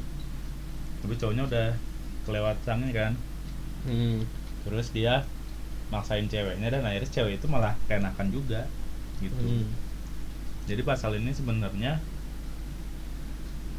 kalaupun emang ceweknya nggak mau ya kayaknya nggak harus dipenjara juga nggak sih? Kayak itu mah urusan 12 mereka tahun. itu mah urusan mereka berdua doang gitu. Mm-mm. itu sebenarnya urusan urusan iya urusan dapur urusan dapur pribadi. Cuma ini buat ya tadi ngelindungin ngelindungin istri yang ngerasa suaminya apa namanya suaminya maksa gini gitu gini gitu ya itu tujuannya itu. Cuma kan tadi ya itu ngekonfirm ke satu satu agama kata Fadil juga. Terus terakhir si Tengku Zul lanjutin masa seks itu harus masa masa seks itu harus mood suami istri? Tak ada dalam agama itu hubungan suami istri harus mood. Ya. Mungkin kali ya. Harus ya. mood di sini di ini kan sebagai nafsu gitu hmm. jadi ya mungkin di agama sedang kujul Hmm. berhubungan seksual harus karena Tuhan bukan karena nafsu Hmm. sebenarnya kita tuh masih Hmm. ada pasal-pasal ya kayak eh, ke- korupsi atau pasal yang pelarangan aborsi dan itu tuh juga kontroversial banget sih. Ya soalnya eh, apa namanya kalau asumsikan eh, si perempuannya nggak boleh aborsi karena iya, janinnya itu. hasil dari pemerkosaan. Dia pasti bakal ngerasa tertekan terus seumur hidupnya karena eh, dia bayi yang dia dapatkan itu bukan bayi yang dia dari cowok yang dia mau. Iya malah dia nggak ada niatan buat dapat gitu kan dapat anak apalagi dia di kemungkinan yang diperkosanya itu di bawah umur Nah, apalagi itu. Makanya lebih apa? ke ini sebenarnya lebih ke tanggung jawab sih kalau misalkan aborsi gitu ya Hmm. karena anak SMP si padahal perkosa anak SMP ya Anak jangan SMP-nya. cobain gua juga dong ntar ada yang motong-motong anak Hmm. anak Ya. SMP-nya itu hamil Ya, dan si padahal di penjara ya. Dan si anak terus SMP si, itu terus si mau cewek- aborsi. si anak SMP-nya Hmm. mau aborsi tapi karena kalau aborsi penjara dia akhirnya memutuskan untuk lahir Hmm. ngelahirin anaknya siap nggak si ceweknya ini buat tanggung jawab sampai seumur hidupnya sampai dia meninggal gitu Hmm. nggak minimal sampai anaknya gede lah sampai bisa ngurusin sendiri Hmm. kayak pemerintah bikin aturan bermoral bermoral bermoral tapi kalau kasusnya kayak gini gitu emang yakin si anak SMP itu bakal bermoral pas Hmm. udah gedenya sampai gedenya Nah. itu dong sih dari gua mah kayaknya sejak eh, apa namanya eh, pertimbangan yang diambil buat bikin pasal-pasal yang tentang ini ya hubungan hubungan eh, hubungan badan kayaknya terlalu terlalu pendek pemikirannya jadi pokoknya pokoknya kalau punya anak nggak boleh diaborsi nggak boleh sama sekali dalam bentuk apa pun. Ya mikir nggak eh, masa depan si yang diper- diperkosanya? Dia biasanya gini dia udah trauma karena diperkosa terus dia dipaksa buat ngandung anak yang anak bukan- yang hasil bikin dia Heeh. trauma gitu. Iya. ya dia bakalan stres lah. Makin parah. Bakalan gila-gilaan itu makanya makin akhir-akhir ini sampai ada berita anak SMP diperkosa anak SD diperkosa. Kebutuhan antara antara manusia di Indonesia dengan sex education balik lagi Mm-mm. itu perlu. Nggak semua orang itu ngerti apa namanya eh, apa namanya interaksi antara manusia dengan manusia lain dalam hubungan intim. Ada orang yang cuma ngerti oh eh, barang masuk ke dalam lubang barang masuk ke dalam lubang. Keluar selesai keluar selesai. Ah, urusan masa depan bodo amat. Yang penting nafsu selesai. Ya enggak gitu loh. Kalian mikirin juga apa ya, eh, apa namanya dalam batang kalian itu jangan cuma asal tojos asal tojos nggak jelas gitu loh. Sama ini sih dari gua apa kalau emang mungkin tujuan pemerintah bikin pasal ini hmm. biar nggak ada nyawa yang dihilangkan gitu ya. Hmm. kalau kasusnya kayak tadi anak SMP yang diperkosa padel. Jangan dibilang gitu dong ntar ada yang motong-motong itu lu udah merkosa anak SMP misalnya Gani ya. Ya misalkan gua nih merkosa anak SMP terus emang yakin anak SMP-nya bakal selamat gitu pas proses melahirkan hmm. sementara banyak kasus ibu-ibu aja banyak yang meninggal karena proses melahirkan gitu kan Hmm. apalagi anak SMP gitu Hmm. karena apa namanya badannya juga belum siap buat ini kan buat melahirkan makanya itu ada pengaborsian hmm. nah udah nemu nih ini ada di pasal 470 Hmm. yang tentang pengaborsian ini tuh Hmm. Nah, setiap perempuan yang menggugurkan atau mematikan kandungannya atau meminta orang lain menggugurkan atau mematikan kandungan tersebut dipidana dengan pidana paling lama 4 tahun. Hmm. Nggak disebutkan kalau si perempuan ini tuh bukan bukan korban aborsi eh bukan korban pemerkosaan atau enggaknya. Hmm. aborsi dalam bentuk apa pun aja berarti kan Mm-mm. berarti ya itu masalahnya kenapa bisa begitu karena orang Indonesia ngertinya wah aborsi anak itu kan karunia dari Tuhan ya anak dari anak dari hasil pemerkosaan karunia dari mana gitu Mhm. itu ya itulah masalahnya sampah emang bangsat apa lagi bang Udah paling segitu yang dibahas di beragam media nih ya, di beragam media, beragam youtuber, hmm. itu Beneran. banyak hmm. apa bener kan ada beragam youtuber Hmm. banyak yang bahas hmm. atau beragam ah, ilmu ahli ilmu politik yang di kita apa rangkum. Hmm, salah satunya en enoklir ya. no clear en eno bening pagi-pagi maksudnya. Banyak banget yang udah ngebahas dan kita cuma ngerangkumnya ada sampai 14 poin. Hmm. itu sebenarnya kalau kita benar-benar teliti lagi sampai apa namanya semua pasal dari RUU KUHP yang Masih ada banyak. masih banyak lagi. Cuma Hmm. kan kita nggak mungkin ini semuanya karena mau mau berapa aja. Kalau mau boleh. Mau sih sebenarnya. Kalau kalian kalau kalian ter nggak juga sih kita- kita capek pak. ngobrol ngepart lah dibikin banyak Iya. banget pokoknya ada yang nyampe tadi aja ada yang pasal 500 berapa gimana ya paling nanti kalau kita mau bahasin lagi apa namanya kan kita belum sempat bahas yang kemarin kelewatan. Pas kita lagi liburan kita Hmm. belum sempat bahas. Paling itu ya kalau mau dipanjangin bisa. Ya mikir-mikir dulu deh. Hmm. capek. Jadi Ini aja mikirnya aja pusing. capek ngomongnya sih. iya makanya Penyiar radio mana ada sih ngomong sampai 4 jam? Ada. ada Ada emang. Jadi intinya RUU KUHP ini gimana Del menurut mana? Hmm, terlalu ngurusin selangkangan. Hmm. Apa ya? Mereka tuh mau mereka yang bikin RUU KUHP itu gak ngelihat fakta di lapangannya dan gak bikin seobjektif mungkin jadi banyak yang menurut perasaan Ya.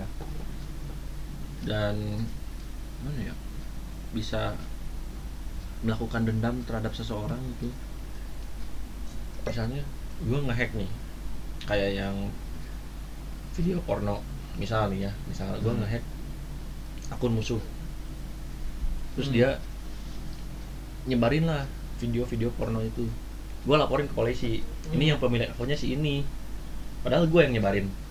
Dengan pakai email orang yang nyebarin ya Hmm. bisa jadi kan. Hmm. dan itu pasti nggak ada tindak lanjut. Nggak diliatin. Kemungkinan nggak ada tindak lanjut. Bukan nggak akan ada. Kemungkinan nggak ada. Kalau ada pun ya Terus harus bawa ahli segala macam dan itu bakalan ngeluarin uang yang lebih gede. Orang yang dituntut ini tuh. Jadi gimana? Kalau menurut gue RUU KUHP ini tuh terlalu banyak ngatur gitu. Walaupun ngaturnya baik mungkin tentang kayak kayak yang tadi gue bilang sih sebelumnya. Walaupun ngaturnya baik tentang moral dan menjadikan moral Indonesia masyarakat Indonesia lebih tinggi derajatnya. Tapi apakah dengan begitu lo bakal bisa menjadi manusia seutuhnya gitu? Wey. kalau dari Zaki? Jadi kalau dari dari gue bilang, gue bakal bilang kalau RUU KUHP ini terlalu banyak ngurusin moral, terlalu banyak ngurusin selangkangan, terlalu banyak ngurusin agama. Itu tiga hal yang nggak bisa di, dibikin secara eh, dipukul rata karena semua orang pasti Ya. beda-beda dan orang-orang punya orang-orang itu individu yang eh, beda-beda. Kita nggak bisa bilang, oh kamu selangkangannya harus ini, kamu kalau punya anak harus begini, kamu punya agama harus nurut sama yang ini ya nggak bisa. Semua orang pasti punya kepercayaan yang beda-beda dan uh, jalan cerita dalam kehidupannya yang beda-beda. Mereka pasti punya alasan buat uh, memilih keputusan, uh, keputusan dalam hidupnya sebagaimana mereka ada di dunia ini. Nggak bisa dipukul rata semuanya. Kayak gitulah. Jadi RUU KUHP ini tolol. Titik. Sekian walaupun ada yang kita sempat setuju satu. Ada yang bagus sebe- Yang- beberapa ada yang bagus. yang padahal kontroversi yang dibilang kontroversial padahal bagus. Hmm. yang kayak yang kritik hakim itu. Hmm. yang dimaksudkan kritik hakim itu waktu di persidangan kan? Hmm. tujuannya ada emang tujuannya baik cuma dalam dalam penyam apa namanya peman pe- Penyampa- penyampaian bukan penyampaiannya eksekusi. Eksekusinya bermasalah. Iya.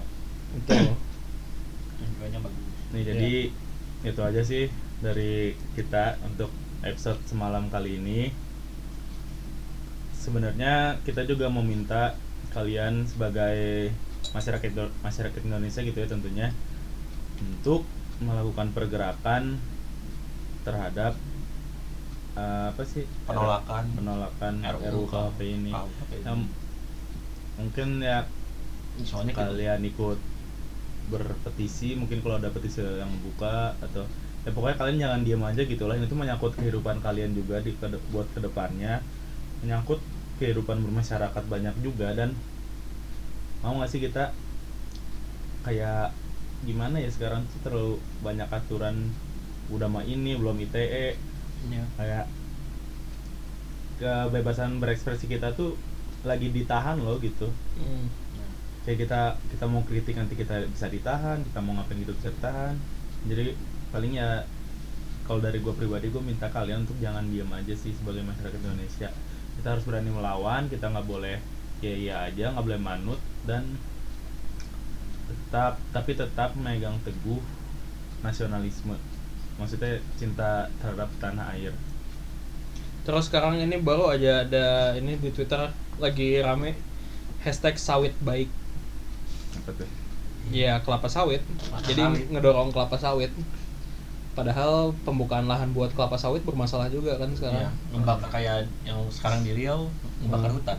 di Riau Kalimantan beberapa lama nggak ada kabar ya itu banyak masalah tentang kelapa sawit yang kita nggak kita baru baru pas banget baru buka Twitter Ka- eh, sawit baik sawit baik sawit baik sawit baik ini eh, jadi kayak eh, eh, Kementerian Informasi ngedorong apa namanya ngedorong sawit baik segala macam ada yang bilang jatuhnya ini Kementerian Informasi bau-baunya kayak Kementerian Kementerian Penerangan zaman Soeharto.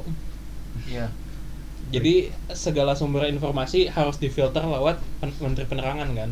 Hmm. Itu jadi kayak Kementerian Penerangan 2.0. Bagi kalian kan rata-rata pemilih 02 tuh ingin balik lagi ke zaman Soeharto nih. Hmm. Selamat, kalian sudah kembali. tanpa memilih nol, eh, tanpa memenangkan 02 pun udah kembali kalian. Ya, jadi itu masalah di masalah-masalah di Indonesia masih banyak selain dari RUU KUHP dan barusan ini ada sawit baik, sawit baik. Tapi kalau kita cari satu-satu satu persatu masalah dan jawabannya kita nggak mungkin nemu solusinya sama sa- sama sekali karena terlalu banyak. Tapi ya itu eh, kita berusaha untuk menginformasikan apa saja yang terjadi di di atas sana di di pemerintahan sana dan kenapa kalian perlu tetap eh, waspada dan apa sih namanya mawas bukan mawas diri tetap menjaga bukan. Merangkul me, me- mek- me- tetap kita harus tetap apa sih namanya? Ya itulah sekian dari kita. Jangan lupa dengerin semalam. Senin mendalam di 107,9 di Kom Radio atau di Spotify. Kalian bisa cari semalam strip Senin mendalam atau apalah ya itu pas atau kalian cari aja roasting Padel pasti ada kok Ya Allah. jadi ya itu sekian dan dari sekarang udah pukul 6.22 nah, PM 18.22 dan sudah menunjukkan waktu malam. Jadi selamat malam. Selamat malam. Semalam. Yes. Nah sekian terima kasih. Ini ada hashtag boykot film The Santri. Ah, apalagi buat film apa? The Santri.